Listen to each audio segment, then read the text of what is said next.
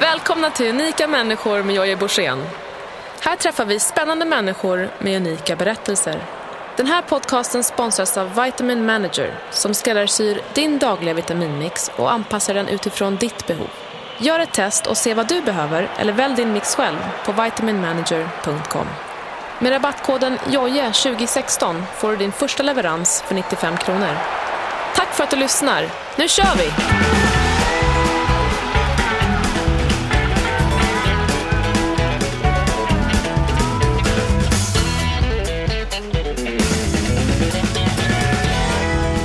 Vi pratade just om eh, här att jag hade nedsatt hörsel eh, och eh, då frågade jag dagens gäst, Rune Larsson. Har du nedsatt hörsel? För vi pratade om det här att ha hörlurar på sig när vi är i studion och då drog du en väldigt rolig grej och då sa jag till producenten, här måste vi köra. Vad var det som hände där? Du har lite nedsatt hörsel. Ja, på höger öra är det nedsatt hörsel. Eh, som tur var så skedde det efter jag hade mönstrat för lumpen så där är jag registrerad som fullt hörande. Men jag har nedsatt hö hörsel på höger öra och det kommer från DM i skidskytte faktiskt, 1976. Då det var väldigt dåligt med snö så Västergötland fick flytta sitt DM upp till Edsleskog i Dalsland tror jag det var någonstans de man skjutit med k-pist på den tiden för att det var billigt med k-pist. Och från jag var 17 år så hade jag en k-pist under sängen i en galonbag med fullt med ammunition, fullt ihopsatt. Det var inte fråga om vapenskåp eller någon sån här grej på den tiden. Så jag brukar ta min k-pist på min cykel och cykla genom stan med k-pist och ammunition, helt ihopsatt, ner till en skjutbana, duka upp och skjuta. Och sen så cyklade jag hem och hade den under, gjorde vapenvård och stoppade in den under min säng. Och det var inte snack om att man skulle kunna använda till våld. K-pisten var ett idrottsredskap. Jag, jag, hade inte tanken på att man kunde skjuta folk med den här k-pisten. Men i alla fall, det var ju militären som då sponsrade skidskyttet på den tiden i vår region, där jag kom ifrån Västergötland. Och eh, då fick jag skjuta med k-pist och så hade man ju eh, såna här, de smäller ju rätt bra med den här 39 Bertil-ammunitionen. Och så hade man sån här glasull, eh, såna här eh, hörselproppar av vadd. Mm. Och då hade jag, den hade trillat ur inför sista skjutstationen. Ledde du då? Nej, för sjutton. Jag var aldrig, jag var en miserabel skidskytt. Men du var bra skytt? Nej, jag var nog okej okay på att åka skidor sådär va, men eh, skjuta, det var ju ja, sådär, halvbra. Tillräckligt bra för det var roligt att vara med och tävla. Ja. Men jag vann aldrig något. Men det var alltid roligt att vara med och tävla. Och då, då hade glasullproppen kom, halkat ur på högerörat. Och så in, vi sköt ner i en grusgrop. Det var väldigt bra akustik där. Skarsnö och grusgrop och allt möjligt. Och då står vi stående skytte och det står en kille alldeles intill mig och brassar på med sin k-pist och det gjorde ont i örat. Det värkte och det ringde. Man höll nästan på att tappa balansen när jag skulle skjuta och åka sen efter det. Mm. Och sen kommer jag ihåg att eh, efter jag hade skjutit så, det var ju barmarksfläckar för det var dåligt med snö i norra Dalsland också. Då ställde jag mig och pinka och det var lite löv och grejer och då trodde jag att ljudet kom bakifrån. Mm. För det var liksom att eh, skadan hade skett på höger öra. Så att jag pratar ju inte med höger öra till telefonlur. Nej. För det hör jag för dåligt. Men det här med k-pyssen, sköt ni singelskott då? Eller ja, river man av en ja, hel salva? Nej, eller? man skjuter alltså. Man nackdelen med att, att lära sig skjuta med k-pist, det var att man fick rycka av skotten.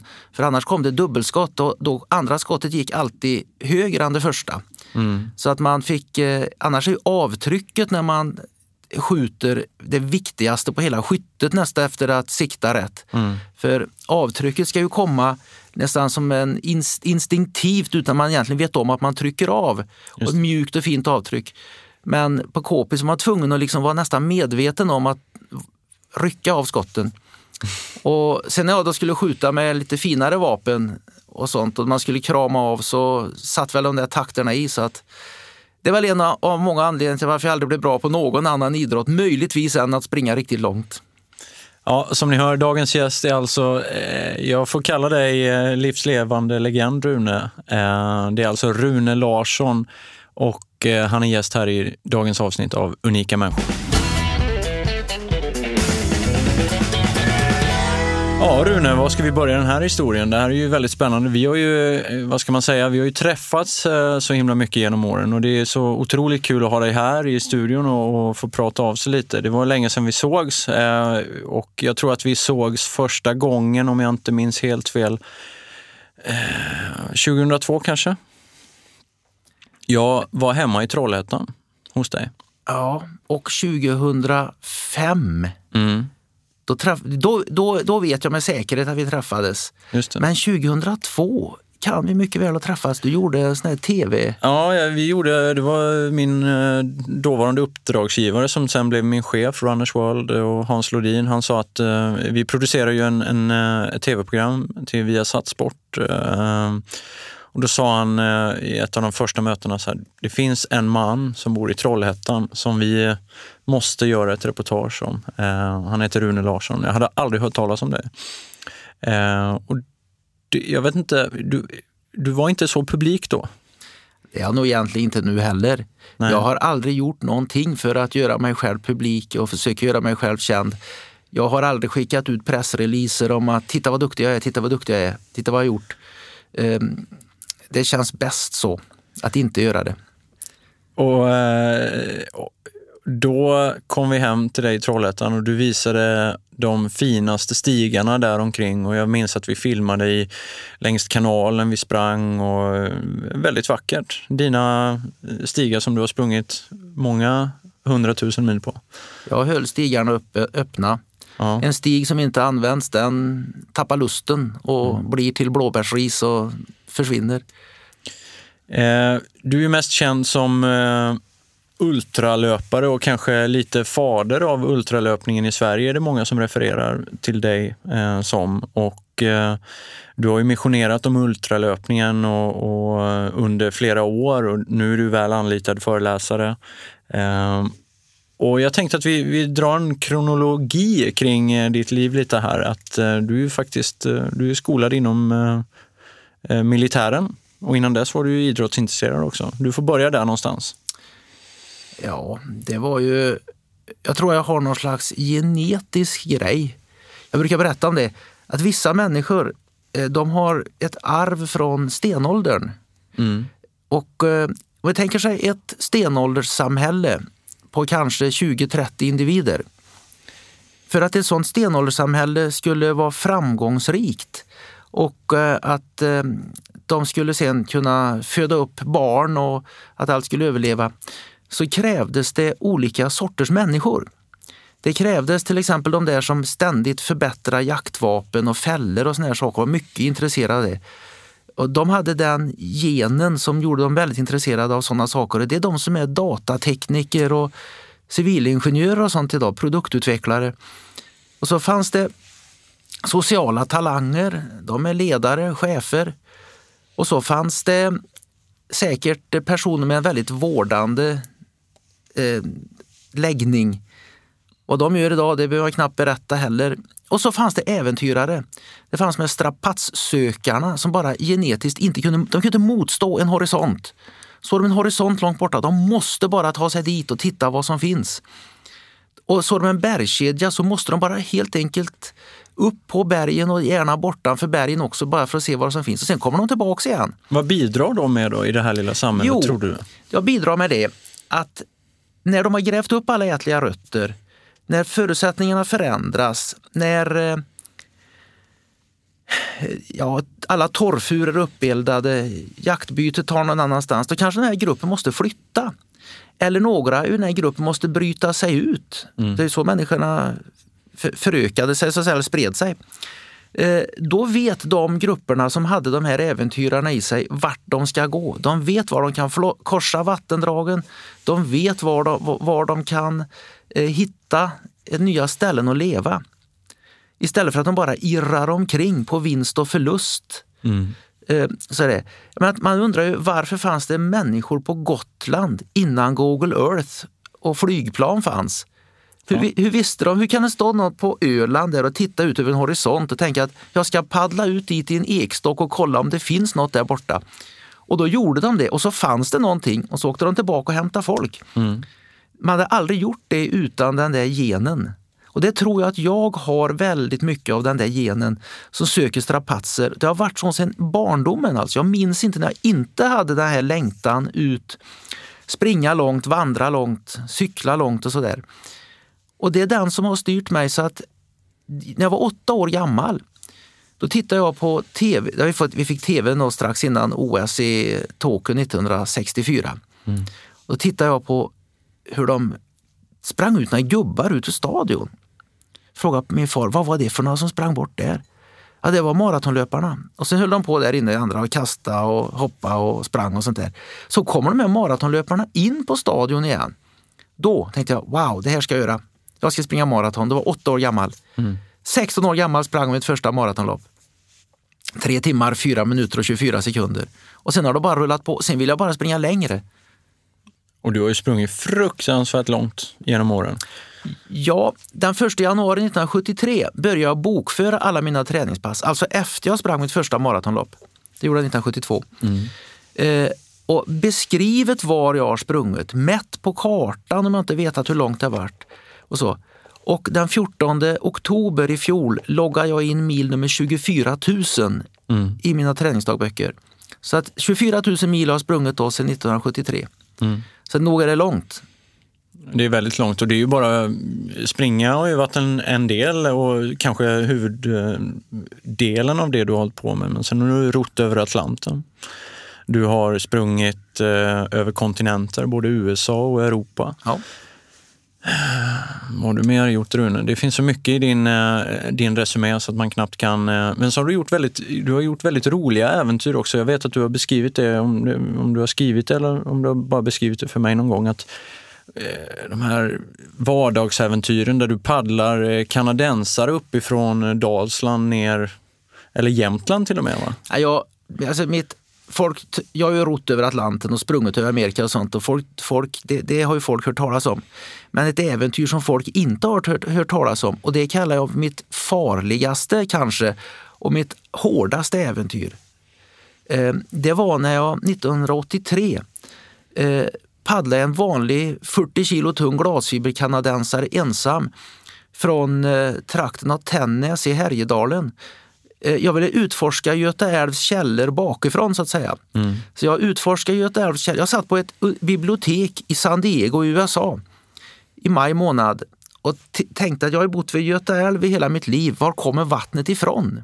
Hur långt bort? Så tittade jag på en kartbok över Norden. De hade en jättefin kartbok där på biblioteket där borta i USA. Och så såg jag Göta älv, Vänern, Klarälven, Trysilälven, Femund och så ett streck från Femund i Norge då och över till Rågen i Hälsingland. Tänkte att, och där borta har jag fjällkartor, jag måste kolla när jag kommer hem till Sverige. Tittar jag därifrån, en liten skogstjärn som hette Västervingarna. Det var det längst bort jag kunde komma. Och då fick jag ha min mor och köra mig och kanadensaren upp till dit. Så fick jag bära kanoten på en special ställning jag hade gjort på förlängt mesen på en ryggsäck bära min 700 meter in och sen paddlar jag, paddlar, släpa genom vattendrag, gick, vada, åkte ner för forsar, paddlade omkull i någon fors och höll på att slå ihjäl mig. Och kommer ut och ner ut genom vatten, Vänern och hem till Trollhättan. Då hade jag gått ner sju kilo och då hade jag inget att ta av från början. Nej. Och sen paddlade jag ut till eh, västkusten, då, ut till havet. Så jag paddlade från 770 meter över havet ut till havsytan, noll meter och ifrån rödingar till rödmaneter och från kala fjäll till kala klippor kan man säga. Det var nog 75 mil minst det där. Och eh, det var ett fantastiskt äventyr. Det har jag nästan aldrig berättat för någon. Men där kände du att det fanns lite, du blev rädd om livet där vid några tillfällen? Vid några, ja, jag var rädd om livet hela tiden. Ja. det värsta, jag vet inte om det värsta var när jag paddlade den här kanadensaren tvärs över Vänern. När det blåste så att segelbåtarna låg nästan med masterna i 45 grader. Det var nästan inga segelbåtar ute för att det blåste så mycket. Men jag får slut på maten när jag låg uppblåst på ett skär söder om Värmlands näs där. Eh, så jag var nästan desperat av hunger för att ta mig över så att jag gick utan mat de sista dagarna. Ja, Men så har du, eh, okej, och sen eh, ska jag säga, ditt, ditt intresse för löpning och så, sen, eh, sen gjorde du militärtjänstgöring där du blev fast vid den eh, grejen också. Du Ja. gillade det? Ja, det var naturligt att jag skulle bli fallskärmsjägare. Mm. Av flera orsaker. För det första, det var där de jag trodde att de största strapatserna fanns och tro mig, jag blev, mina önskningar gick i uppfyllelse. Ja. det var strapatser. Och sen så var det ju det att eh, där fick jag också, visste jag att jag skulle få lära mig det jag behövde för min fortsatta livsstil. Mm. Men sen blev jag fast i det. Jag trivdes otroligt bra med den sortens människor som jag träffade på där. Den sortens befäl vi hade och den sortens lumparkompisar jag hade. Det var låt säga, en väldigt hög lägsta nivå på alla fronter. Mm. Att, Ordning och reda och det är, hög, det är nära till äventyret Ja. och stora upplevelser. Ja, och väldigt schysst behandlade var man. Fick, Mm. en, fick en frihet som man lärde sig. Och vi, alltså, har man väl kommit in i den där kretsen av fallskärmsjägare, då, det blir som ett brödraskap. Vi, vi håller ju ihop än idag. Även trots att jag gjorde min militärtjänst 1976-77, så sådana som gjorde sin militärtjänst på 2000-talet, det kan man ju liksom få från någon. Du, det är en kille som gjorde eh, lumpen 2004. Eh, Han behöver hjälp med någonting. Kan du hjälpa honom? Jajamensan. Jag har aldrig träffat personen men man hjälper honom för att ja, det är nästan som ett lite frimureri. Va? Mm. De ska hjälpa varandra var helst i världen de är. Men man behöver inte tatuera något eller ha något halsband på sig eller något Nej. som fallskärmsjägare? Nej, och man blir inte mm, mer eller mindre avrättad av sina kompisar om man eh, inte vill vara med i kretsen längre. Utan Nej, nej, okej. Det är ett eh, positivt brödraskap där det tycker jag upplevt. Alla som har gjort lumpen som fallskärmsjägare hamnar ju inte i det liksom, eh, sociala nätverket. De Nej. väljer att stå utanför. Men vi är många, många som fortfarande håller ihop. Träffas en gång om året. Men du, hur resonerar du med en, en eh, förlorare som mig då, som valde att inte göra lumpen? Jag är ju född i den generationen som faktiskt mer eller mindre fick välja. Ja. Eh, vad tänker du? Jag tror att fallskärmsjägarna gick miste om någonting med dig. Det har jag tänkt på flera gånger. Eh, med det du kan då om triathlon och swimrun och den kunskap och den drivkraft som du har, om man nu får sitta och skryta om min värld här, Ja, så jag har jag funderat på att ah, han hade passat perfekt in i just det gänget. Ja. Den sorten. För det, det är relativt vanliga killar med lite extra drivkraft och bra fysik. Det är, jag måste erkänna här att jag följer ju med eh, glädje röj, både röjdykarna och kustjägare och så på, i sociala kanaler. För jag tycker om strapatserna de utsätter sig för. Det är väldigt, jag vet inte, det är något sjukt i det där, något konstigt med att- paddla så här långt och bada i kallt vatten och så. här. Det är ju inget som man där och då kanske älskar, men eh, jag vet ju att jag älskar det sen. Där sätt. har du de där generna igen. Ja. Människorna som har de där generna att, eh, att ja, hoppa i en isvak, mm, det måste jag prova. Ja. Eh, klättra upp på det berget måste jag prova. Simma mellan de här öarna måste jag prova. Mm. Eh, det är ju en inre drivkraft som jag tror finns genetiskt. Det finns inga bevis för det vad jag vet. Men jag tror alltså att det är ett arv från stenåldern Mm. som vi har. Och du har förmodligen det, jag har det.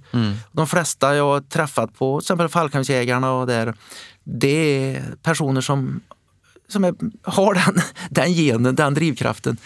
Det finns andra helt fantastiska personer med fantastisk fysik och fantastisk mental drivkraft och entreprenörskap och allting som inte kan tänka sig att bli fallskärmsjägare eller hoppa i en isvak och sånt.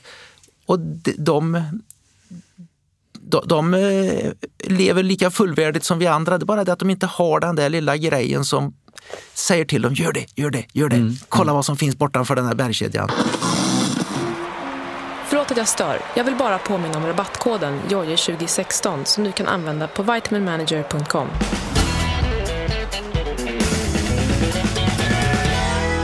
Men du, just på tal om det här med kartor och grejer. Jag vet ju att du har också sagt någon gång att, att när du tar fram en världskarta så, där, så blir du lite exalterad. Ja. Och, och börjar titta på vad man faktiskt skulle kunna göra. Och, och du har ju, jag tänker på två saker som du har gjort som har varit så här, du har gjort så himla mycket extraordinärt, men två saker som, har, som jag har följt på väldigt nära håll. Eh, du har ju dels sprungit över USA själv. Ja. Eh, och sen har du ju faktiskt rott över Atlanten. Ja. Eh, kan du bara, USA-resan, när gjorde du den? Och, På vilket sätt? Eh, Det var ju så att eh, det var ju år 2004, Eh, men det, var, det började ju långt tidigare. Det började med att jag var hemma hos eh, två kompisar som var bröder. Det är grannarna ute i min sommarstuga. Och eh, en regnig dag i juli, då var vi in, jag och min bror var inne hos dem och så visade de för första gången Guinness rekordbok. Mm. Då var jag inte gammal, kanske 15 år. Och så såg jag på, under bedrifter stod det där. Va? Och då stod det en bild på en knotig sydafrikan som heter Wally Hayward. Han var den människan som har sprungit längst på ett dygn någonsin. 256 kilometer och 390 meter. Det memoriserar jag. Och milda makter, springa i ett dygn, det måste jag prova. Får jag chansen ska jag prova. Jag måste springa det. Jag kanske till och med ger mig ut ikväll och börjar och springer till imorgon kväll. Va? Den, den här känslan. Ja, ja. Men springa över 20, 256 kilometer verkar omänskligt, men lockande. Och sen så stod det under där, det stod en artikel om eh, två norrmän som hade rott tvärs över Atlanten. Och, det, och går det att ro en roddbåt över Atlanten? För jag hade ju rott väldigt mycket ute i stugan. Jag rodde ju nästan varje dag. Eh, Paddla eller ro? jag rodde med en vanlig aluminiumbåt. Ja, för då, rodde, då, mm, paddling var inte liksom aktuellt då? Nej, det hade inte Än. kommit in i Nej. bilden då. Nej. Rodde för att ut och fiska, rodde för att det var roligt att ro, rodde Mm. bara för att sjön var så himla fin och stor. Det kunde bli roddturer på uppåt, ja, väl över en mil. Mm. Men, och så står det tänkt, det måste jag göra om, om jag får någon chans. Det låg och gnagde där. Och sen eh, stod det på samma uppslag, men på högra sidan, där stod det om en sydafrikan som hette eh, en annan sydafrikan, inte, inte samma gubbe som hade sprungit eh, 24 timmars, han hette Don Shepard. Han var den första människan som hade sprungit tvärs över amerikanska kontinenten utan att ha support på några sträckor. Och jag, wow, springa tvärs över Amerika, vilket otroligt äventyr. De låg och gnagde där. Och så förverkligade jag alla de tre. Du kan i efterhand se tillbaks och du kommer ihåg att det var Ja, ja. då. Det är Ja, häftigt. Jag har varit hemma hos Johan, då, den, min kompis då, som visar mig Guinness rekordbok och jag har fått dra en kopi, fotostatkopia av eller skanna in den här, det här uppslaget i Guinness rekordbok. Så det har jag inskannat och klart. Ett uppslag som påverkar mitt liv. Fast eh, jag ska inte säga att det utesluter att, att det var det som enbart gjorde att jag gjorde de här äventyren. Det kanske hade kommit ändå, men det var någonting som låg och gnagde i mig länge. Och 25 år senare så gör du, påbörjar du det första eller? Det, Hur, för, det första gjorde jag eh, kanske 15 år senare. Det var när jag sprang ett 24 timmars lopp. Just det. Och då överträffade jag den här Wally Haywards eh, rekord. Då sprang jag 262 kilometer och 640 meter. Men han hade gjort det på 50-talet och då var det inte världsrekord längre ens det jag gjorde. Då hade någon annan jäkel kommit där och flyttat Men världsrekordet. svenskt rekord? Ja, nordiskt rekord. Det, Nordiskt står, rekord. det står som nordiskt rekord än idag. Ja, det gör det. 30 år Mm. senare. Wow.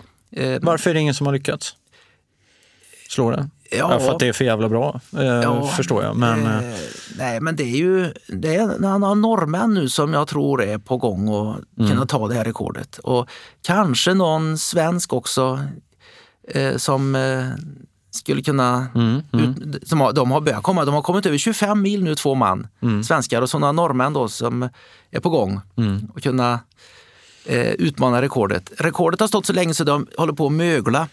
Ja. Jag, vill- jag vill inte ha kvar det längre. Jag vill att det ska vara utveckling. ja. Jag vill inte att det ska vara som Dan Werns svenska rekord på 1000 meter. Att det har stått så länge så folk tar det inte på allvar längre. Nej. Du förstår Nej, jag det är tråkigt. Ja. Det står sedan 1958. Ja.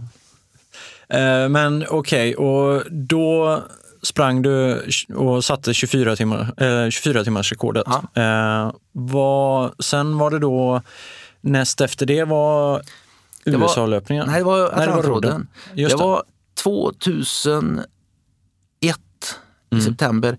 30-årsjubileet efter jag först förstod att det gick att ro över oceaner.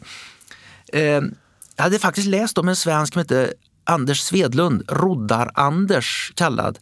Han hade rott över Indiska oceanen och stora delar av Stilla havet. Så jag visste ju att det var möjligt. Eh, men eh, det var ju en dröm som låg där och gnagde. Och sen lades den drömmen i knät på mig. Bara sådär. med tre och en halv veckas varsel. Ja. Och plötsligt satt jag i en roddbåt och rodde över en ocean.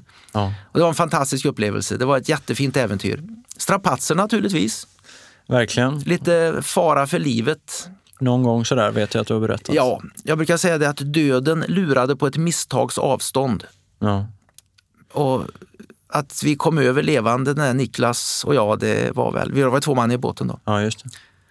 Eh, Det racet, för det var en tävling ni var ställde en upp tävling, i. Eh, Det går ju varje år. Ja, numera går det varje år faktiskt. Ja, det, det. det gick eh, vart eh, anna, Det var andra gången tävlingen gick som jag var med i den. Eh, 2001. Och sen eh, blev det så pass populärt så att eh, men det är nästan bara engelsmän som ror. Men några, några svenskar har faktiskt följt Niklas och mitt spår. Och vi var de första, Niklas Mårdfält och jag var de första svenskarna som rodde över Atlanten. Men sen har det kommit, det var 2013 eller 2014 så var det plötsligt fler, många svenskar. Så vi, nu är vi inte unika längre. Men eh, det är också många som bryter det loppet. Det är mycket som kan gå Ja, det är fel. väldigt mycket som kan gå fel. Ja. Dess bättre så har ingen omkommit Nej. sen eh, vi var ute. Men när vi skulle ro då, den här tävlingen, då, tror jag dagen innan eller så vi skulle starta får vi reda på att en amerikan som försökte ro ensam över hade omkommit i en storm. Mm. Så att eh, Det satte en bra ribba på, en bra smak i munnen när man skulle somna in där på kvällen kanske. ja, man eh, var ju inte kaxig ska man tala om. Det, det var så här, rätt så intressant. Eh, man var ju alltid rädd. Va? Jag var alltid rädd hela tiden. Behagligt rädd. Jag orkar inte vara obehagligt rädd. Den fanns, var det stiltje eller var det kuling med 20 fot som de hade mätt på satellit, höga vågor, så låg rädslan på samma nivå. Det var som att, jaha, så här är det, rädsla. Va? Ehm, eh, och man kan ju säga att man blir traumatiserad. Jag blev positivt, jag hade positiv posttraumatisk stress. Så att året som följde på rodden, år 2002, är mitt livs lyckligaste år. Då gick jag omkring och var tacksam för precis allt. Jag var tacksam för bara kunna sitta på en hård yta utan att skrika för man blir rätt så babianmässig i baken Ja. av skinnflådd. Jag blev tacksam av att kunna duscha, tacksam att kunna dricka vatten ur en kran. Ja. Tacksam för att ha mina nära och kära runt omkring mig. Ja, det är otroligt. Att, Eh, ja. och, och sen naturligtvis klingar den här tacksamheten av och man börjar ta saker för givna igen. Kanske är det dags att ge sig ut på en ny resa ja. och utsätta sig för faror. ja, det var ett annat äventyr. Och sen eh, var det USA-kontinentlöpningen. Det var så att jag studerade borta i San Diego mellan 1980 till 83. Mm. Där. Och eh, fattig student, åkte ingenstans. Folk frågade mig, vad häftigt, var du i Aspen och åkte skidor? Såg du Grand Canyon? Nej, jag gick bara omkring nere i San Diego och så åkte jag ut på några löpartävlingar.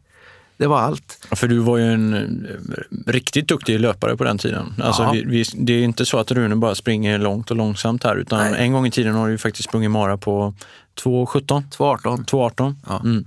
Och det var 30 och 35 gjorde jag på 10 000.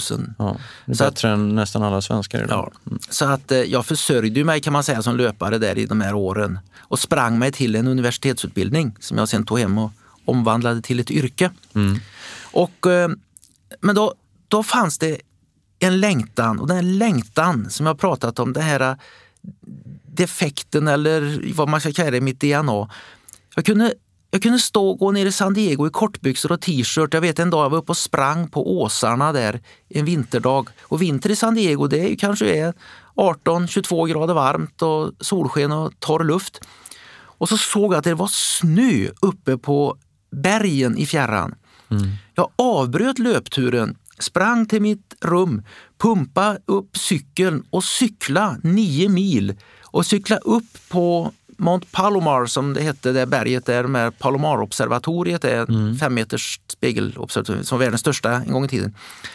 Cykla upp dit till, jag tror det var en 15 eller 1800 meter över havet och sprang omkring i kort cykelbyxor och barbent och sånt och kastade snöbollar på träd och var jätteglad för att jag hade kommit upp i snö. Jag har inte sett en vinter på några år då. Just det. Och så cyklade jag hem igen sen. Det blev 18 mil på en dag bara för att jag inte kunde motstå frestelsen att se snöklädda berg. Jag var bara tvungen att ta mig dit.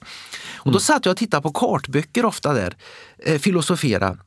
Och så såg jag amerikanska kontinenten och de olika färgerna på kontinenten på kartboken. Ju brunare det var desto högre var ju bergen. Öknar var ju lite mer orangea och så det gröngula. Gula det var ju prärien och gröna det var ju Appalacherna med sina stora skogar. Jag, jag, måste, jag måste bara springa där. Jag måste bara springa där. Och det låg och gnagde. Men så hade man då heltidsjobb och grejer och eh, fick familj. Man kunde inte bara springa. Men då 2004 tänkte jag, nej nu, nu, nu struntar jag, nu springer jag. Så då, Hur gammal var du då? då var jag 48. Så då ställde jag mig till knäna i Stilla havet. Hade en sån här babyjogger, en trevlig löparbarnvagn och skö- utrustning i. Hade inte planerat den här resan nästan någonting. Jag visste bara i stort sett att jag skulle ta mig upp mot Flagstaff i Arizona för att eh, komma över Klippiga bergen på ett bra sätt. Och sen, jag hade, inget, jag hade ett liggunderlag, ingen sovsäck, inget tält. Så att ibland la jag mig på marken på mitt liggunderlag och sov ute i öknarna där utan sovsäck. Jag fattar ju inte hur kallt det var i öknarna på vintern uppe i High Prairie, kanske 15, 2000 meter över havet kunde vara. Stekhett på dagen. Och, och sen, eh, ja det var ju skallerormar och prärievargar och skorpioner och grejer men det gick det med. Men ofta sov jag på motell. Och så kom jag och Klippiga bergen och ut på prärien och Appalacherna då, och sen ut i, ut i Atlanten på andra sidan. Och jag tog vartenda steg själv. Det var väldigt viktigt att jag skulle inte åka taxi över någon bro där fotgängare inte var tillåtna. Så att jag eh, planer, det enda planeringen jag gjorde, det var liksom att jag stod i en vägkors en gång. Var ska jag ta mig över Mississippi? I, och så att om jag tar mig över den uppe i hörnet av Iowa och eh, Missouri och Illinois där, där verkar vara en liten stad. Där kanske man kan komma över utan att behöva ta sig fram på en motorvägsbro. Då valde jag den resan, men sen, sen bara sprang. Hur Ingen lång tid tog det? Eh, Jag sprang i 77 dygn och jag hade en cykeldator på den här kärran som hade kalibrerat noggrant innan. Och det var 497 mil, alltså nästan 500 mil. Och det tog alltså sjut- 77 dygn av löpning, men så tog jag fem vilodagar också. Därför att jag var inte ute för att sätta något rekord. Och det är ganska en kul grej detta. va? Eh, då blev jag den andra som är dokumenterad att ha sprungit över kontinenten utan att ha följebil på någon sträcka genom öknarna. Då. Eh, här Wally Hi- eh, här Don Shepard, sydafrikanen, han hade gjort det då 1964 på 74 dygn. Så tre, om de bara några dygn snabbare än mig. Han skrev en bok om detta, My Run Across the United States, där han då nämnde att han hade lyckats ha någon form av nära umgänge, om man förstår vad jag menar med det, med 33 kvinnor under den resan. Efter att jag själv har sprungit över så måste jag säga att jag tvivlar starkt på sanningshalten i det. För att... Ja, därför att så mycket av tid upptog. Hur, hur skulle man träffa folk? Ja. Man sprang hela dagarna och det var Ja. inte det att man kunde gå ut på en bar på kvällen och börja ragga på brudar. Det Nej, nej. hade ju liksom inte... Eh, det hade väl kanske varit möjligt på några enstaka ställen men ja, han, kanske, han kanske gjorde det, jag vet inte. Men eh, eh, då var en andra som hade gjort det. Och sen så fick en fråga sen. Eh, eh, vad, vad, vad brukar, eh, vad, att 77 dygns löpning, åt- 81 dygn eller vad jag hade sammanlagt, sammanlagt med vilodagar, är det bra? Ja, jag tycker ju det är bra, sa jag faktiskt. Och från San Diego till New Jersey, eller söder om New York. Vad brukar de ha, de som springer över? ja, han som gjorde det innan mig för 30 år sedan, eller Ja. för vad det nu blev, eh, 40 år sedan. Han hade några dagar snabbare än jag. Ja. Jag hade kunnat, om det hade varit ute för att slå rekord hade jag ju tagit det. Ja. Men det var jag var ju turist. Är det någon som har gjort det idag? Björn Sunesson, Ja. en svensk, är kontinentlöparnas konung har jag utnämnt honom till. Han, några år, det var tre år efter jag sprang över Amerika första gången, så sprang han, eh, fast på en annan rutt, från Stilla havet och över till Atlanten en gång och tyckte det var helt fantastiskt, för det är det. Och då hade han blivit pensionär så han kunde disponera sin tid lite bättre. Så han har gjort fyra löpturer solo osupportade över kontinenten. Och nu vid 69 års ålder planerar Björn Sunesson sin femte löptur över Amerika. Och det är ganska mm. intressant. När han var då kanske 66 år, då sprang han och loggade in 5 till 5,5 mil om dagen ensam och sköv en barnvagn med mm. sin utrustning. Eh, och så den här, eh, ursäkta mig, clownen, ultradistanslöpningsclownen som heter eh, Dean Carnassus. Dean Carnassus som eh, är ungefär, ja vad ska vi säga, han är, en, han, han, han är en clown som har lyckats manipulera många människor att tro att han är en elitlöpare, vilket är ganska komiskt. Han sprang ett maratonlopp om dagen i, i alla 50 delstater i USA. Eh, hösten eh, ett år han skulle springa, då kördes han fullt sponsrad i en husbil till en delstat, sprang 42 kilometer, kördes till nästa, sprang 42 kilometer. Så sitter han i David Lettermans soffa, naturligtvis med linne. Han är, väldigt, han är kort och väldigt muskulös då. Mm. Eh, ska visa sina muskler och flexa. Så.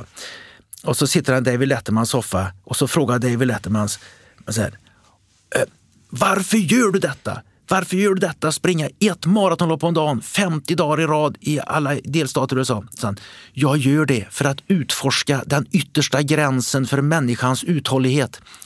Samtidigt som han gjorde det, fullt supportad, sprang folkpensionären Björn Sunesson ensam fem och en halv mil om dagen mm. genom, tvärs genom Amerika. Ja. Och han gjorde ingen affär av att han utforskade några människans yttersta gränser för uthållighet. Så att eh, Björn Sunesson, den tar jag mig kapsen för. Ja. Han, han är min överman när det gäller kontinentlöpning. Han är allas överman.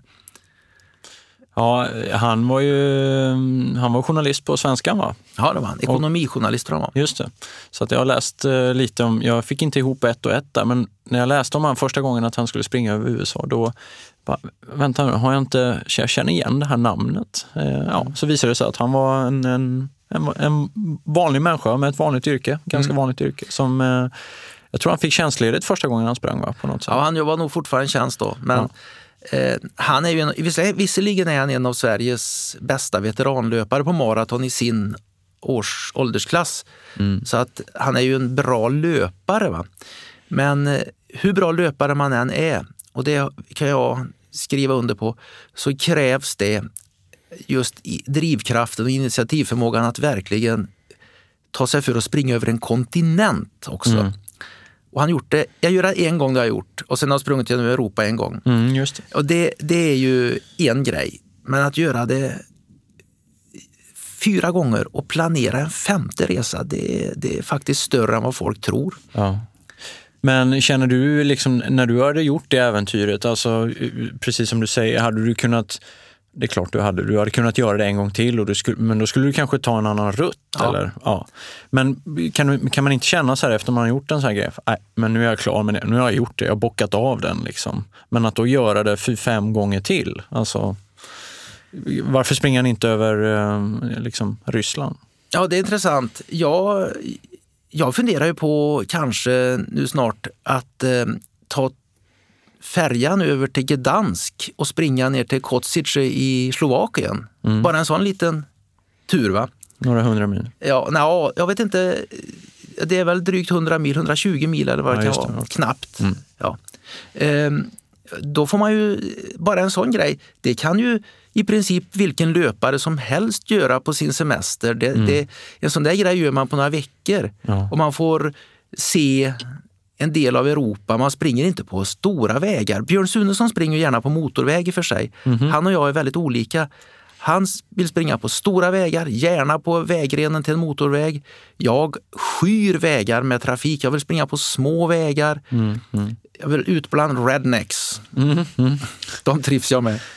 Men eh, bara en sån sak som att dra iväg ner genom Polen och över Karpaterna där och ner till Slovakien och ja, man kanske inte ja. slutar i Kosice, man kanske drar iväg till Budapest, vem vet? Ja. Så det planerar du i sommar kanske? Nej, det är väl inte något på planeringsstadiet. Det är bara en tanke som har börjat gro i Ja, huvudet. men sen du är är- bra på att genomföra saker som börjar gro. Sen är det ju en grej som jag vet. Jag vet att så många löpare skulle kunna göra en sån sak och så många löpare skulle kunna tycka att det var väldigt roligt. Ett fantastiskt äventyr, en upplevelse. Allt de behöver är en sån här bra, notera detta, bra trehjulig löp, löparbarnvagn och skiva utrustningen i. Och sen eh, så handlar man mat på vägen, man äter på restauranger, man tar in på något billigt logi och tar sig fram. Kommer väldigt nära både landet och människorna på det sättet. Eh, Jag kan tänka att det, det känns för tråkigt att springa liksom, Treriksröset till Ystad. Eller varför har du sprungit i Sverige? Ah, jag har ju vandrat genom Sverige. Ja, ja det Eh, räcker. Så att, eh, men Treriksröset Ystad, det, är, det, det skulle jag gärna göra. Jag, håller gärna, jag håller på och liksom är lite rådgivare åt någon som planerar sånt äventyr för tillfället. Sådär. Men, men eh, jag... Nej, jag... Ja, varför har jag inte gjort det? Det är en bra fråga. jag, Okej. jag har ju bott vid riksväg 45 i hela mitt liv. Ja. Den går ju från Karesuando ner till Göteborg. Ja, det skulle ja. bli mycket riksväg 45 men, men jag tror att eh, det, jag, ska, jag ska jag göra ett äventyr till så springer jag nog inte igenom Sverige på det Nej. sättet. Jag kanske springer eh, ge, Sverige på tvärs då Mm. och inte på längden. Nej,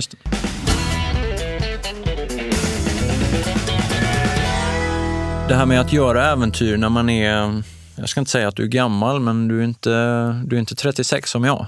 Eh, hur, hur mår kroppen idag?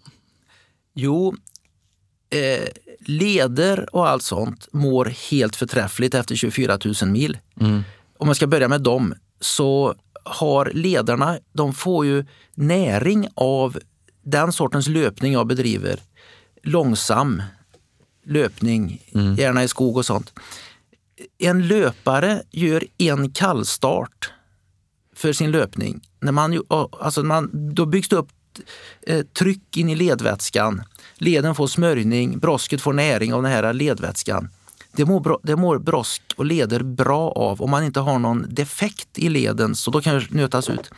En snickare eller en bonde eller någonting gör ju mängder med kallstarter varje dag. Får ju aldrig upp det där trycket i ledvätskan. Det är de som sliter ut leder av att, eh, att eh, hålla på och arbeta. Va? Eh, så att jag har faktiskt röntgat knät och då kunde man se eh, att eh, mitt ledbrosk var osedvanligt tjockt. Tjockare än normalt. Så massor med ledbrosk. Varför har det inte slitits ut på 24 000 mil? Varför har det bara byggts upp och förstärkts? Och det är ju för just detta att lederna mår bra av det. I övrigt får jag nog faktiskt säga det att jag märker tydligt av alla dessa mil jag har sprungit. Eh, jag tror att, eh, jag, jag vet att jag, jag har en kompis, Leif Larsson, han är några dagar yngre än vad jag är.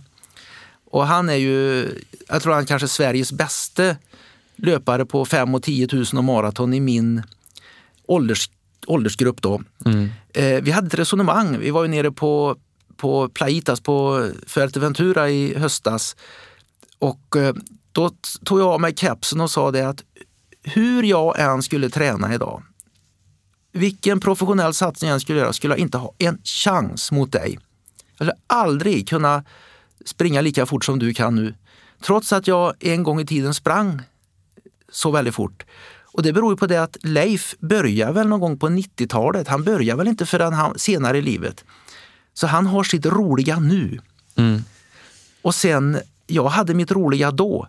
Jag tror man har, ett, om man har en lång karriär som löpare så tror jag till slut så reagerar inte kroppen på träning längre. Nej. Det kommer an att jag är långsammare än, än slow motion idag.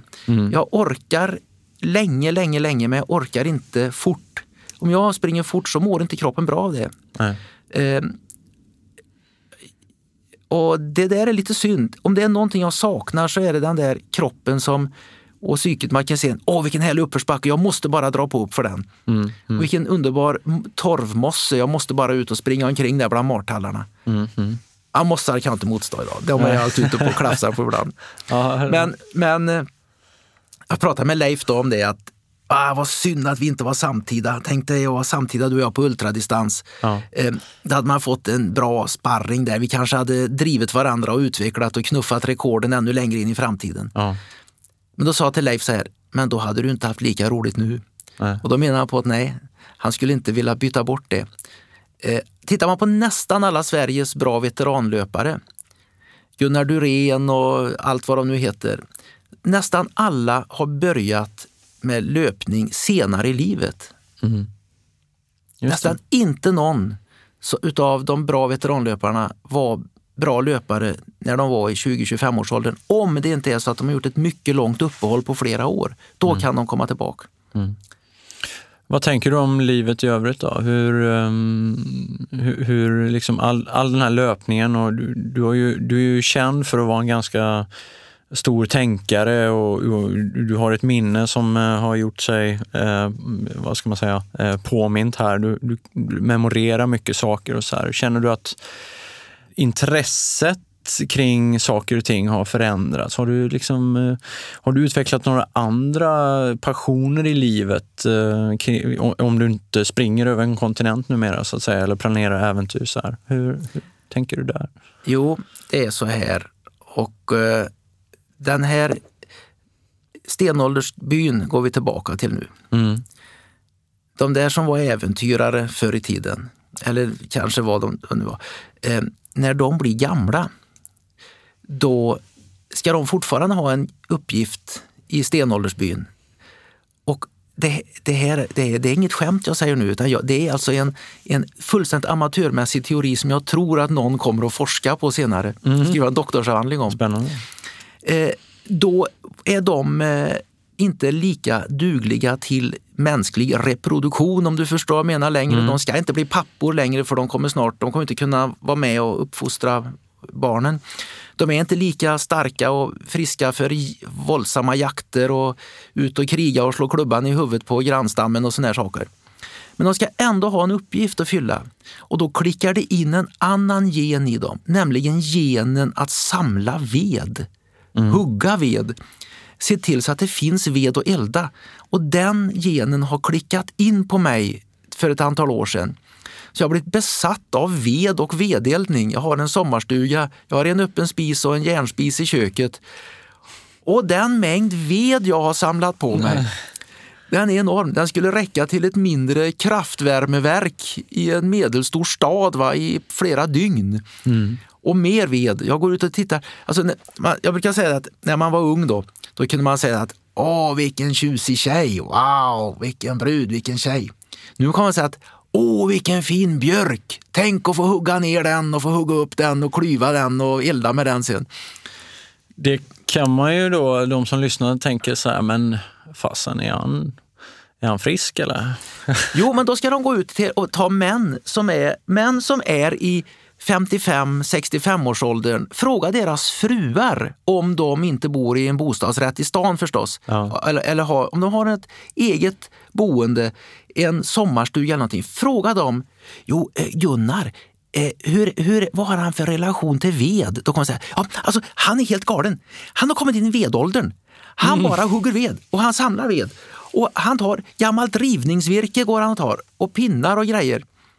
Det är så många män som det har hänt för. Ja. Jag var inte medveten om det. Eh, men eh, jag hade en kompis till exempel då, när, ett antal år sedan. Eh, han, han hämtade mig på en järnvägsstation och, så, och körde hem mig till mig. Och så, han, han var ju en tio år äldre än vad jag var, eller ännu mer. Och så sa han det att ja, men innan vi åker hem, vi åker och kollar på en kompis vedhög. Vad fan, titta på en vedhög! Ja. Då åkte vi förbi där och där låg, titta vilken fin vedhög, titta vad fint han har staplat. Jaha, tänkte jag. Det var det, vad, vad ska det vara för någonting? Va? Ja. Och sen åkte vi hem till honom och sen, sen en, när jag kommit upp, bara för några år sedan, då, kommit upp i den här vedåldern, jag har en sommarstuga då, som jag sagt, och det är intressant. Då hämtade han på järnvägsstationen igen och sa, du din kompis, har han kvar den här vedhögen? Men, eh, och, och, och sen så ah, vad gäller intressen, mitt intresse för svensk ultradistanslöpning har dippat faktiskt. ja. Eh, jag, jag har ju hållit på och försökt att utveckla svensk ultradistanslöpning. I was ultra when ultra wasn't cool, för att travestera Dolly Parton. Just det. Och eh, ja, man var ju väldigt ensam som ultradistanslöpare för, alltså du springer ultra, då lyfter de på kepsen för att kolla var man hade sina lobotomier i princip. Ja, ja. Och så, och så eh, har jag försökt att driva dem med till exempel med Svenska friidrottsförbundet och så att det kom en mössan i näven där. Och, ja, om vi skulle kunna möjligtvis få kalla våra bästa resultat för rekord. Om vi möjligtvis skulle kunna få representera Sverige vid internationella mästerskap som faktiskt arrangerades. Ja. Och sånt. Och om vi kanske skulle kunna få ett SM och om möjligtvis Friidrottsförbundet skulle kunna samla in statistik och föra statistik och publicera de tio bästa på 100 kilometer och 24 timmars. Och man höll på där och ja, någon gång så var det en som tjänsteman på förbundet som bara fnyste åt mig och tittade på mig ner så att det får ni aldrig, sa han bara. Sen var det end of discussion. Men det är ju verklighet nu. Det är verkligt nu. Ja. Så att, jag ska inte säga att det är, jag, jag var med och tjatade på den tiden. Eh, det hade säkert skett, och det har skett utan min medverkan. Det, det är en del av utvecklingen. Men då ville jag vara med och utveckla sporten. Eh, för jag åkte ju runt på massa såna här lopp nu när jag inte springer själv. Och supportar löpare, hjälper alla som vill ha hjälp och har gjort. Och eh, jag har, eh, eh, jag har liksom eh, försökt att samla på mig kunskap. Väldigt intresserad av konsten att orka. Vad är det som gör att vissa löpare tappar så mycket kraft i ett 24 timmars lopp? Vad är det som gör att de kommer tillbaka? Varför blir de dåliga i magen? Allt sånt. Och, sånt. och läst på och kollat och jämfört.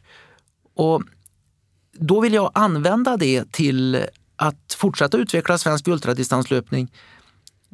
Och tog väl också på mig uppgiften då när kommittén för ultradistanslöpning ville ha en grenutvecklare.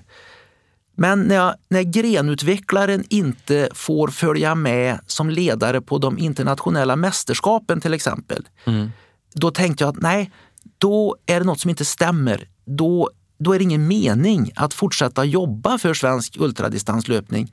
Antingen ska jag jobba för svensk ultradistanslöpning fullt ut och eh, ställa upp. Och jag har aldrig någonsin tagit ett öre i ersättning för detta. Jag gör allt gratis. Eh, men då ska jag följa med ut och då ska jag vara med där saker verkligen händer, där många högpresterande människor tävla mot varandra och träffa, knyta kontakter med ledare från andra länder, alla sådana här saker och jämföra och studera. Men när eh, jag då kände att jag har ingen plats där. Nej. Man väljer någons pojkvän till exempel som ledare istället. Så, fast jag har kämpat för att vi ska få ha landslag och sånt. Och nu när jag skulle kunna, då kände jag nej, då klippte jag banden med svensk ultradistanslöpning. För antingen ska man då vara med fullt ut eller så tänker jag, alltså, jag har ju fortfarande ett mentalt engagemang för det, va? men eh, någon annan får ta över och det är väl så de vill ha det. Det kanske blir bäst så också. Vi har ju faktiskt eh, ett landslag idag med internationella framgångar både på dam och herrsidan. Ja, Vad tänker du om det? mycket, mycket roligt. Ja. Eh, Det hade aldrig hänt utan dig, jo då, påstår jag. Ja, vi kan säga så här. Eh, det hade förmodligen hänt, men jag skulle väl också påstå, och detta står jag för, Nils Lodin på Runners World. Jag tror att de svenska ultradistanslöparna som är bra idag bör sända gamle Nils Lodin som då drev tidningen Springtime hette den från början och sen blev den Runners World. Eh, de har inte fattat hans roll i att vi har de ultralöpare vi har i Sverige idag. Därför att han lät mig skriva i tidningen Runners World. Han släppte fram ultradistanslöpning. Ultradistanslöpning ansågs som något halvt suspekt och gav mig det utrymme jag behövde för att publicera om detta och på något sätt popularisera, ja, sprida kunskap om sporten. Det var, blev väl mer att kanske en liten grund i allt sammans. Eh, så att eh, det var lite artiklar här, det var lite, lite här och lite där. Han, han arrangerade den här resan tillsammans med mig lite grann också till Swiss Alpine som var ett ultradistanslopp då som många sprang. och Det spred sig. Och det banar väl väg för en acceptans för ultradistans i Sverige. Och idag har det gått så långt så att Vasaloppet gör ett löplopp mellan Sälen och Mora med, som tecknas fullt. Ja. Eh, och det är sådana grejer man tänker, då har det verkligen eh, ja, men allt jobb som ni har gjort, som var i den generationen, eller det var ju mest Mm. du. Eh, ja, Det, det har tagits till nya kommersiella nivåer. En gång i tiden var det mest jag. Mm. Men sen från mitten på 00-talet så kom det in fler och började jobba för detta. Mm. Så att eh, min roll upphörde väl att vara viktig någon gång runt mot slutet av 2000, ja, 00-talet, kanske 2007, 2008, 2009 någon gång. Det kom in många, en del av dem bra krafter. Eh, Fredrik Elinder till exempel som eh, varit helt otrolig på att eh, samla statistik. Mattias Bramstång innan honom har betytt enormt mycket för utvecklingen. Och eh, sen, kom, sen får vi inte glömma alla dessa arrangörer av lopp. Mm. För utan de här arrangörerna så skulle vi ju inte ha något att springa i Sverige. Nej. Eh, Jag tror att eh, en sån enkel grej som att Reima Hartikainen fixade ett sånt där tidtagningssystem då med, som varvräknar med chip. Han och en kompis som heter Peter då, som drev det och de for runt och sex timmars lopp och sånt där. Det är också en grej som har betytt otroligt mycket för att vi har de ultralöpare vi har idag. Ja. Eh, det, det, löpningen blev plötsligt väldigt tillgänglig. Mm. Och sen börjar man upptäcka att det är inte asketer som bara äter kruska, kli och böngroddar va, som håller på med detta, utan det är helt vanligt folk. Och det visar ju sig nu, jag menar att man ens sitter då och planerar och, och genomför och har gjort det med framgång på Vasaloppet, att man det som för 10-15 år sedan skulle kanske i styrelsen ha, ha säkert röstats ner flera gånger, att springa mellan Sälen och Mora. Helt plötsligt så har de ännu ett lopp att teckna fullt. Av ganska, man tittar på vilka som springer så är det ju inte, ja, det är det är vanliga människor som vill springa nio mil. De eliten som springer där, de, eh, de som springer den här eh, nio milen, säg under 6.30, Mm. eh, det, är, det är riktig elit. Mm. Det är riktig, riktig, riktig elit. Eh, och, eh, Eh, men, eh, och, men sen den stora massan, det är ju sådana som springer. Mm. för att springa loppet och tycker att det är roligt. Det är häftigt. Ja, det är häftigt. Jag måste få springa det loppet en gång innan jag komposteras för gott. Alltså. Kanske ska göra det tillsammans Rune, du Eh, och jag. Ja, om du kan springa så långsamt, Ja, jag är så långsam nu så... eh, lufsa på. Och, vore- och, och, om vi hinner anmäla oss i tid. Ja, men vi kanske får se om podden kan ge oss en, en räkmacka in här i anmälningssystemet. Man- Trol, vem- troligen inte. Vem vet? Ja. Nej, men jag är väldigt glad över att, eh, att ultralöpningen har blivit det den har blivit i Sverige. Det känns som, jag ska inte säga att det, det är inte mitt livsverk. Som jag påpekat ett par gånger redan, jag gjorde mitt en gång. Va? Jag har drivit det, men sen har det kommit till andra som har varit med och gjort detta och Mm. inte minst arrangörer då, till någonting fantastiskt. Men eh, jag skulle också vilja påstå det att om det är någon gång då vi har chansen att konkurrera med framförallt östafrikaner och nordafrikaner i löpning så är det just inom ultradistanslöpningen. Därför att eh, rent genetiskt, om man tittar på östafrikaner, så det är ju ättlingar efter och sådana som levde mycket på hög höjd också. I Somalier lever ju kanske inte på hög höjd men de är väldigt bra löpare. De är väldigt tunna i kroppen. Väldigt energisnåla, tunna kroppar. Förhållandet mellan motor och kaross så att säga på en kenyan är ju till motorns fördel. Här i Sverige, eller i den här delen av världen, här var vi dikesgrävare. En överlevnadsfaktor för dem där nere i Östafrika. Mycket herdar, beduiner och de hackar mycket mer i jorden. Sånt, plantera vad nu behöver plantera. Eh, då var det fördelaktigt med en energisnål, ganska lätt kropp. Medan vi, vi fick vara lite grövre. Vi fick bryta upp stubbar, vi fick gräva diken och vi fick eh, gå omkring och lyfta och plöja. Det var en överläns, så vi har blivit onödigt tunga. Va? Vi har onödigt mycket muskler. Det är väldigt sällan man ser en bra 10 000 meters löpare, inte sen Knut Kvalheim, norrmannen, har ju till exempel Lidingöloppet vunnits av en påtagligt storvuxen, kraftigt alltså. Eh, han väger 80 kilo när han vann Lidingöloppet, helt unikt. Ja, precis. Men eh, det är tunna, lätta personer. Ja. Men på ultradistans, Och då pratar vi ultra, definitionen är över maraton. ja, 40 över maraton, vi, 42 vi kan väl säga så här att våran nordiska kroppstyp, den börjar väl när, kring 100 kilometer börjar vi kunna få en fördel av den. Mm. Och sen ju längre distansen blir, desto mer nackdel har man av en lätt kropp. Jag brukar säga så här, en maratonlöpare ska vara byggd som en racercykel. Mm. En ultradistanslöpare ska vara byggd som en mountainbike. Mountainbiken har grövre ram, den har många växlar och den har eh, bra stötdämpning. Den håller alltså för påfrestningar som du utsätter den för. Kör du en mountainbike i ett Tour de France så ser den löjlig ut. Va? Men kör du en racercykel eh, på ett mountainbikespår så, måste, så är det stor risk att den har gått sönder innan man kommer i mål. Men eh, jag tänker det... Jag, jag har ju sprungit, mi- mitt bästa maraton har jag sprungit på 2.56. Jag är ganska stor, jag är den här grova typen. Jag är runt 80 kilo Ja. i en bra form. Vad tror du jag hade kunnat springa 100 kilometer på? eh, förhållandevis betydligt bättre än 2,56. Mm. Eh, det är svårt att säga några siffror så, för väldigt mycket handlar ju om vad man har för förmåga att omsätta energi.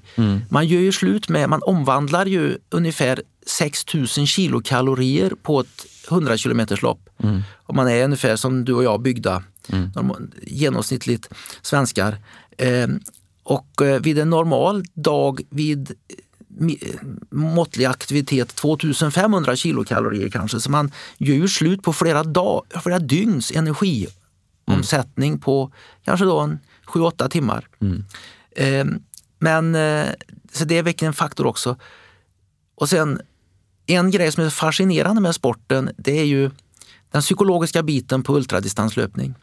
Är Helt fascinerande. Man klumpar gärna ihop ultradistans som att ultradistans som är en sport. Ungefär som att är du bra på 100 kilometer så är du per automatik en bra 24 timmars löpare också.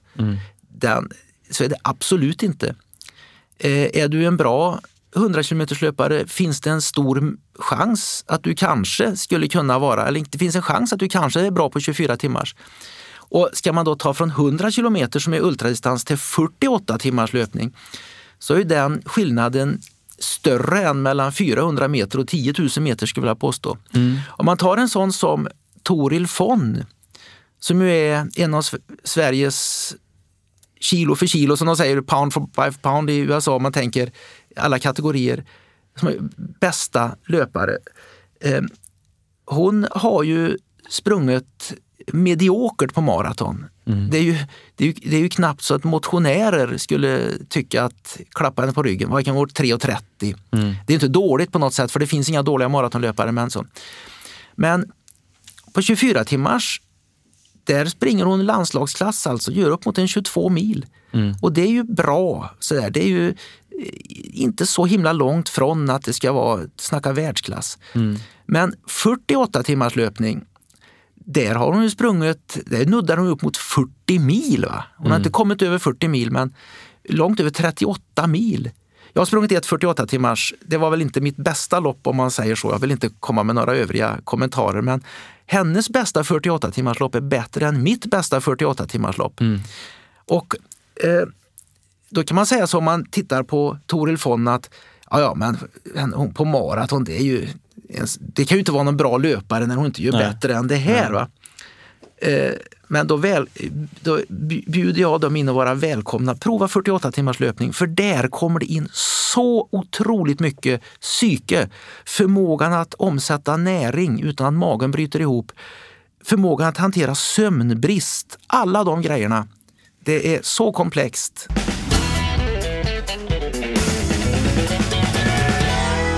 Men vi har inte bröt det, men du har ju vunnit Spartathlon tre gånger Ja. också. Eh, och det är 24, 24 mil, Ja, 246 kilometer. 246. Hur lång tid tar det? Ett dygn ungefär. Ett dygn? Ja. Eh, Det beror mycket på vädret. Va? Vissa år kan det vara medvind och det kan vara rätt svalt. Skulle du säga att Spartathlon, eller du får svara på frågan själv, är, vilken är din bästa idrottsliga elitprestation? Ja, det är intressant. Eh, Min bästa idrottsliga elitprestation var när jag vann Spartathlon 1987. Mm. Eh, Jag förstår ännu inte. Det, då, då var det riktigt, det var bättre än mitt bästa maratonlopp, mitt bästa 100 km lopp och 24 timmars lopp. Helt klart. Eh, Då var det 30, över 30 grader varmt, ett stycke över 30 grader i många, många timmar under dagen. Det här går i Grekland. Grekland på i, höst- i september. Ja, precis. Eh, Och eh, jag visste innan start, jag visste en vecka innan att jag skulle vinna loppet. För jag var i sån form så jag vet att det finns ingen som slår mig idag. Nej. Jag kommer att kunna springa från vad som helst. Efter 16 mil, då var jag uppe i ledningen. Vad snittar ni under de första 16 milen där? Ja, men att jag passerade 10 mil då på 8 timmar blankt. Mm. Så, så att, eh, Och då är det det var- kuperat också. Ja, första 10 milen är inte så kuperade, men ruskigt varmt var det ju, över 30 grader. Och jag, jag låg under 50 minuter på milen i snitt där då. Va? Men sen kom ju bergen. Och eh, högsta berget, Sangasberget, ett stycke över 1000 meter över havet, kommer till 16 mil. När jag var på väg ner för det här Sangasberget, då blev jag darrig och kräktes våldsamt. Då har jag blivit matförgiftad. Wolfgang-bananer? Nej. Ja, nej. Wolfgang hade inte hunnit före mig. Nej, okej. Men jag, alltså, Vi kan berätta den sen. ja, jag, eh, då, då, hade alltså, då var jag på väg ner för berget och kräktes.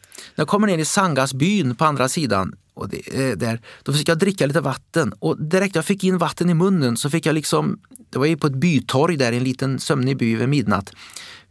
Var kan man kräkas? Va? Och jag försökte äta min Nestani som låg då efter en 17,5 mil. Det gick inte att äta, jag kräktes upp mer än jag hade fått i mig. Jag hade ytterligare ett, en mycket klar indikation på matförgiftning och dålig mage, men den ska jag inte berätta i detalj om. Men kan säga så här att eh, jag blev väldigt stel i låren av att sitta på huk, kanske 20 gånger under Oj, loppet. Det var inte så mycket kvar i kroppen då? Det fanns ingenting kvar i kroppen. Nej. De sista 85 kilometrarna kunde jag inte äta eller dricka någonting.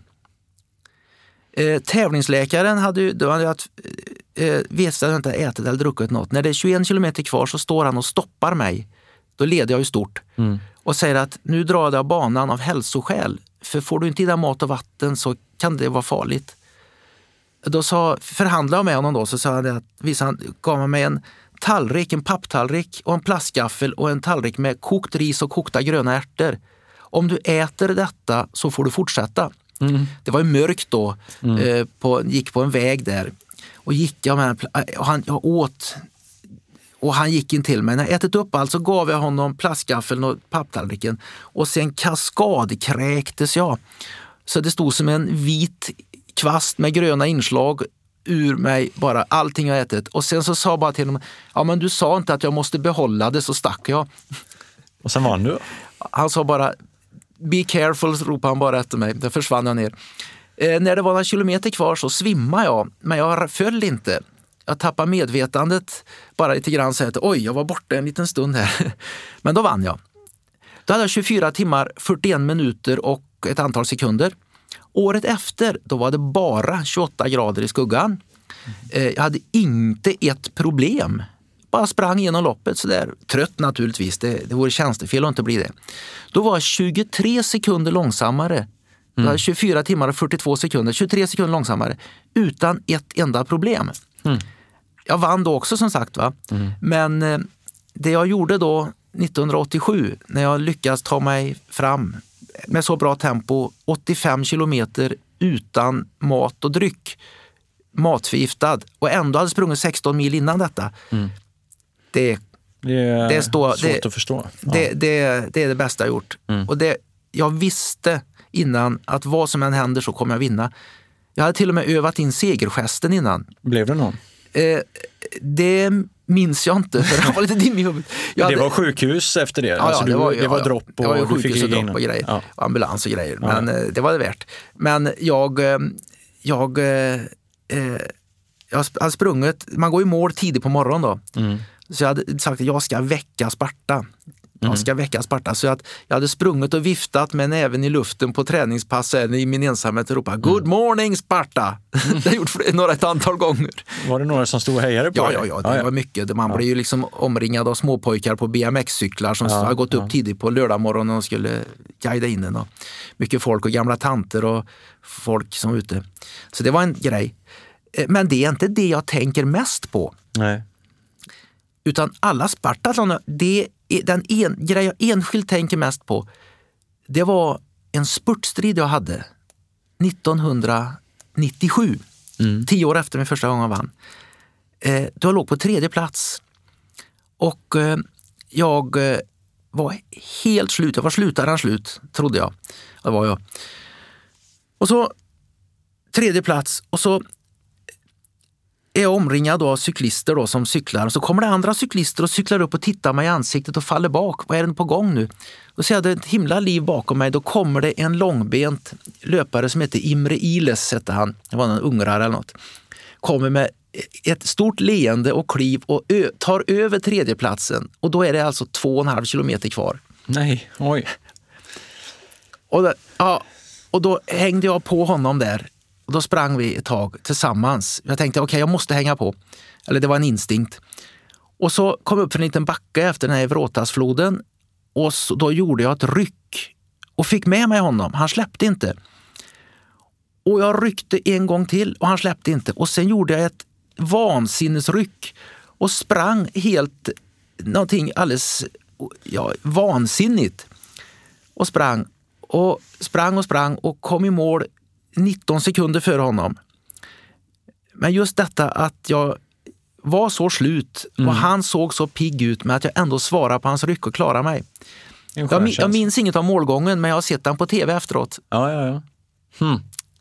Eh, saknar du Spartathlon? Oj, oj, oj, oj, oj. Ja. Jag kommer förmodligen att åka tillbaka till Spartathlon någon gång och titta på och gå omkring och muttra att allt var bättre förr på min tid. Men det är ju en del svenskar som eh, åker och springer nästan varje år i alla fall. Ja, det var inte bättre förr. Det var bara jag som var bättre förr. Va? Men, eh, men sen när det är ultradistanslöpning så har i stort sett allt blivit bättre nu än det var förr. Och vi, bara för att gå in på det, vi vi nämnde det förut, de här Wolfgang-bananerna. Du måste berätta vad det är för, vad är det definitionen av för banan? Ja, Det var så att jag sprang det Swiss Alpine Marathon. Det har jag gjort 19 gånger, va? men det var ju på ja, kanske slutet på 80-talet, början på 90-talet. Så sprang jag med en, eh, en eh, han måste vara en tysk, han var tysktalande i alla fall. Och vi pr- pr- snackade lite. Man, eh, man springer ju inte så han, man, så man kan oftast växla några ord. Han, han heter Wolfgang i alla fall. Vi presenterade oss för varandra. Sprang några kilometer ihop. När vi var som längst ner efter den här Filisur i Swiss Alpine, lite lövskog och sånt där nere, så kände vi båda samtidigt att vi behövde hoppa in i buskarna. Och eh, eh, vi satte oss nästan varannan meter ifrån varandra där. Och jag hade ju en liten rulle toalettpapper i en liten plastpåse med mig för att jag har varit med förr så att säga. Nu får vi varna lyssnarna här. Men Wolfgang han eh, repade gräs. Ah, scheisse, kein Papier. Va? Så repa gräs där och torka sig. så. Och han blir klar före mig. Jag kommer efter honom, så kom vi fram tillsammans, jag var alldeles efter honom, in till nästa kontroll. Och där hade de en stor bunke med bananer som låg hophackade i kanske små bitar. Och han började med att snyta sig, blåsa snoret ur näsan med den här högernäven då, som han hade använt till ett helt annat ämne förut. Och, så snå, och sen körde ner näven, i, som han hade använt till rätt mycket vid det laget, i bunken med bananer och greppar en stor näve banan, eh, bananbitar utan skal Ja. och trycker i sig. Jag kan berätta, jag åt inte bananer på många år. Om de, och det, det kallar jag för Wolfgang-bananer. Sen har jag faktiskt varit på arrangörerna det och berättat Wolfgang-historien Ja, och börjat dra lite historier om hepatit med diverse bokstavskombinationer efteråt. ja. Eh, och nu har jag faktiskt sett att nu börjar de eh, lägga upp dem på brickor istället. Ja. Så att, Absolut, det är ganska, det tror jag nästan är standard nu att, att man, eh, ja, men man kommer till ett dukat bord och det går nästan bara att ta en och en. Ja. Eh, Jag brukar också säga det varje gång jag kommer in till en sån här station. se upp för Wolfgang-bananerna där och så frågar jag, vadå, vad är det för banan? Och det, den där historien, sen du berättade den första gången så har den liksom etsat sig fast någon gång. eh, Eller liksom den sitter där i bakhuvudet. Man ska passa sig. Ja. Har du blivit sjuk sådär i vätskestationer eller liknande? Nej, Alltså, det var ju på Spartathlon. Det var Spartathlon. Eh. Men du har aldrig blivit jätte, jättedålig? eh, För, alltså, du har ju sprungit så himla många Jo, lopp. jag har blivit oförklarligt dålig. Eh, till exempel när jag sprang det loppet mellan Sydney och Melbourne i Australien. Just det. 101,5 mil nonstop. Första gången jag sprang det, då kollapsade jag. Eh, bara rasade ihop, var knappt kontaktbar när jag hade sprungit 80 mil. Då. Mm. Och eh, man... Inte på grund av utmattning eller? Alltså, folk trodde att ah, det är vätskebrist. Så, nej, jag visste att det var inte vätskebrist och det var allt möjligt. Och jag sov. Var som, och sen vaknade jag efter ett tag och sen kunde jag fortsätta. Jag låg på sjukhus då i sju timmar. Behöll de mig där. Så får- tänker ligga på sjukhus i sju timmar under loppet och sen få Under- fort, ja, fortsätta precis. och fullfölja Drog du av dem då? Nej, nej, nej, det får man inte Nej, göra. det får man inte Eh, göra. Nej. Eh, de hade alla möjliga teorier om vad det var. Men det har jag lärt mig senare, för jag har ju i så många år sökt eh, sanningen om ultradistanslöpningen. Vad är det som begränsar vad vi presterar? Varför händer detta? Va? Och då har jag på att det var ju saltbrist. När man får en sån urlakning på natrium i kroppen, natriumklorid, salt, eh, då söver hjärnan ner kropp, hjärna, sig själv och kroppen för att löparen inte ska fortsätta springa och svettas ut det lilla natrium som finns kvar. För då, Så- då kan det gå riktigt illa. Då kan det gå riktigt illa. Då kan man få hyponatremi, man kan alltså få... Och det märkte jag, jag märkte när jag till exempel eh, sprang genom Europa med Susanne Johansson, då, där du och Hasse kom ut och filmade. Eh, två gånger drabbades Susanne av detta och jag drabbades av en gång. Att hon var pigg och sen så började hon, jag hörde att hennes skor skrapa mot asfalten. Och hon som springer så lätt annars. Och sen började hon nästan på att se krum ut och sa jag måste lägga mig och sova. Ha, saltbrist sa jag, för då hade jag kommit på vad det var. Häller i henne lite saltvatten, man får sova en kvart och sen var hon, oj, har jag, varit, har jag mått dåligt? Det är som att komma igång igen. Så. Och det hände henne två gånger och mig hände det en gång på det här. Eh, gjort det. Och det hände mig när jag var besteg Aconcagua. Jag bar upp utrustning till ett läger då på 6000 meter. Och då hade jag, de sa att du ska dricka massor när du klättrar i berg på hög höjd. Och det gjorde jag ju dumt nog och fyllde inte på med tillräckligt med salt. Men då fick jag precis detta också. Eh, fick i mig lite Resorb och grejer och sen var jag wow, mig själv igen. Bara på någon, en halvtimme efteråt. Ja. Eh, Jag minns att när jag var där och filmade så sätter vi oss på ett lunchställe och då tar du ett glas med vatten och sen häller du bordsalt och blandar en så kallad ja, saltgrogg Ja, och sveper. Mm. Eh, klassiker. Ja, det, eh, Gör en ultralöpare fint. ja, det, det, alla folkhälsoråd att åh, vi äter alldeles för mycket salt, minska på salt. Ja, det kan vi göra, men minska inte på salt när man är ute och springer. Va? Nej. Då behöver vi mycket salt. Men det, jag tänker Folkhälsoråden också skulle nog säga att spring inte 100 mil i Australien. Eller ja, Du- det finns som...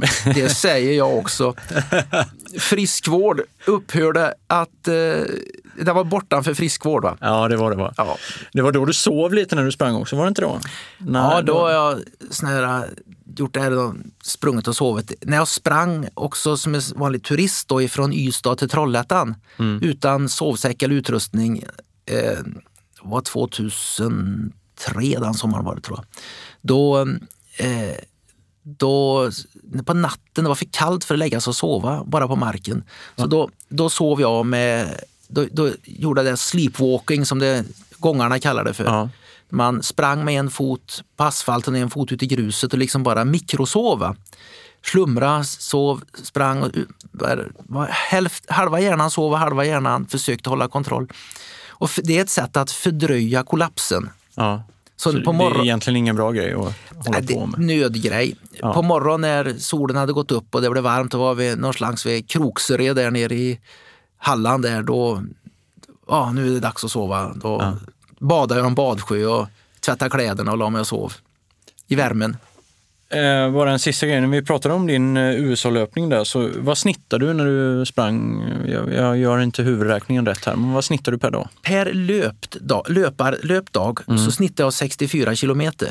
Det är mycket alltså, för jag, har läst dina dagbokstankar eh, som jag fick utprintade från dig eh, från den löpningen och vissa, vissa pass som du sprang där var ju uppåt 80-90 kilometer. Ja, det var rätt inte många. Man kunde fick, hitta någonstans att sova och så. ja, grejen var att man fick springa tills man hittade ett ställe att so- sova, oftast på motell, för det var ju bara majsåkrar på prärien. Den längsta etappen var 145 kilometer, det var genom öknarna i Kalifornien. Det var ju bara att springa tills man kom till något ställe där man kunde få skugga och där man kunde sova, få tag på mer vatten. Men allt du gjorde under den löpningen var, du hade kontroll på situationen hela tiden? Ja, ja. Hade du mat och energi eller Ja. hur? Eh, Jag fick mina saltbristsmällar där också. Ja. Alla de här grejerna, lärdomarna jag har dratt, och det är ju rätt många vid laget, det har jag sammanfattat i en bok nu Ja. som heter Löparglädje. Mm. Den har jag påbörjat. Ja, från motion till ultradistans. Den gjorde fyra delar. Ja. Första delen är för de som vill springa sina första steg i motionskarriären. Eh, ta sig över tröskeln till att samma person kanske då tar sig an utmaningen att överleva ett maratonlopp och berätta om det imorgon också. Andra är för de som vill springa fortare. Allt för någon som vill sp- springa från, gå från en- 2.15 på halvmaraton ner till 1.45 till exempel. Ja. Eller slå världsrekord på 5000 meter. Samma principer.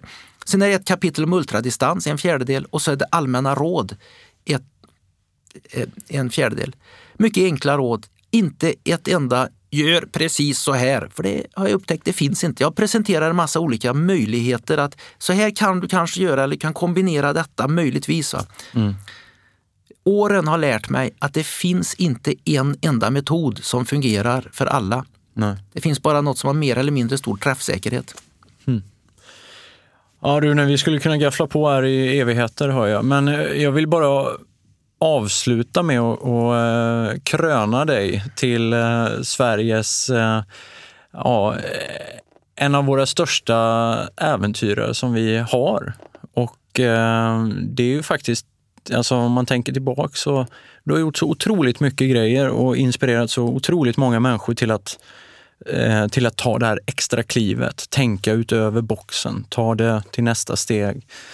Och då börjar man ju fundera, när du har haft sån, sånt brett tankesätt, vem är dina inspiratörer och stjärnor som du tänker på? Äventyrare, svenska, utländska, vem, vem inspireras du av?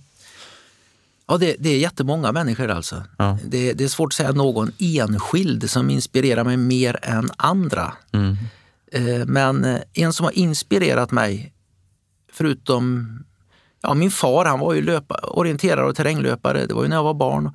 Sen gamle Erik Östby, eh, salig åminnelse. Han eh, dog ju 90 år gammal år 2011. Mm. Det var han som sprang eh, eh, maraton på 2 och 27 när han var 56 år gammal. Ja. Slog mig med en kvart i det loppet. Ja. Jag var- Jag var 21. Eh, Han inspirerade oerhört mycket för att han visade att med en, en sund livsföring, han var till och med vegan, det skulle jag aldrig kunna tänka mig att bli. Eh, Och en sund livsföring och eh, en bra attityd och ett eh, hälsosamt sätt att träna så kan man hålla upp i många, många år, kan hålla högt upp i åldern. Mm. Menar, 35 minuter på milen i snitt av en 56-åring, det är inte så illa. Hur länge tror du att du lever? Ja, det var en bra fråga med ett kanske lite sorgligt svar. Det sägs att en människas celldelningar är programmerade till ett visst max. Mm. Och med all denna energi jag har omsatt, jag räknar ut att jag har alltså omsatt 15 miljoner kilokalorier bara till löpningen på de här 24 000 milen och all den mat jag har ätit för det, så har det ju naturligtvis speedat upp min, mina celldelningar. Så att eh, jag pratade med Tim Noakes, kanske världens främste idrottsfysiolog, tillsammans med några svenskar då, Mikael Mattsson och Björn Ekblom och de där som vi inte får glömma i sammanhanget. Men jag sa det, jag hade en resonemang med honom om det och han sa att jag tror heller inte att du blir särskilt gammal, sa han. Jag tror, att, eh, jag tror också att, att eh, du får betala ett pris en gång för de här 24 000 milen med alla dess, all den energi du har omsatt. Men om, om det, alltså i min släkt så dör vi när vi är 86 år gamla. Vi hinner inte bli dementa. Nej. Men eh, eh, om jag dör när jag är 83, ja ja, jag kan, om jag dör när jag är 83, jag kan säga ja, jag kan leva med det. Hur vill du dö? Ja, Vilken konstig fråga. jo men det, jag har, jag har funderat ut precis hur jag vill dö. Aha. Jag vill då vara ute och springa på en mosse. Jag älskar att springa mosse. Ja. Lufsa fram på mosse. Sugas ner i ett gungfly och bara det slurpar till runt omkring mig. Och där nere ska jag ligga bevarad i en syrefattig miljö, väldigt antibakteriell av gammal multnande vitmossa. Så ska jag komma upp flera, flera hundra år senare som en ny bockstensman. Med den avslutningen så tror jag att vi... Ja, där har ni något att bita i där ute, ni som lyssnar. Rune, tack så jättemycket för att du kom hit eh, och eh, fortsätt att inspirera och vara den du är. För det har gett så många människor extra glädje och eh, flyt på vägen. Tack själv Jojje. Tack så ni ha.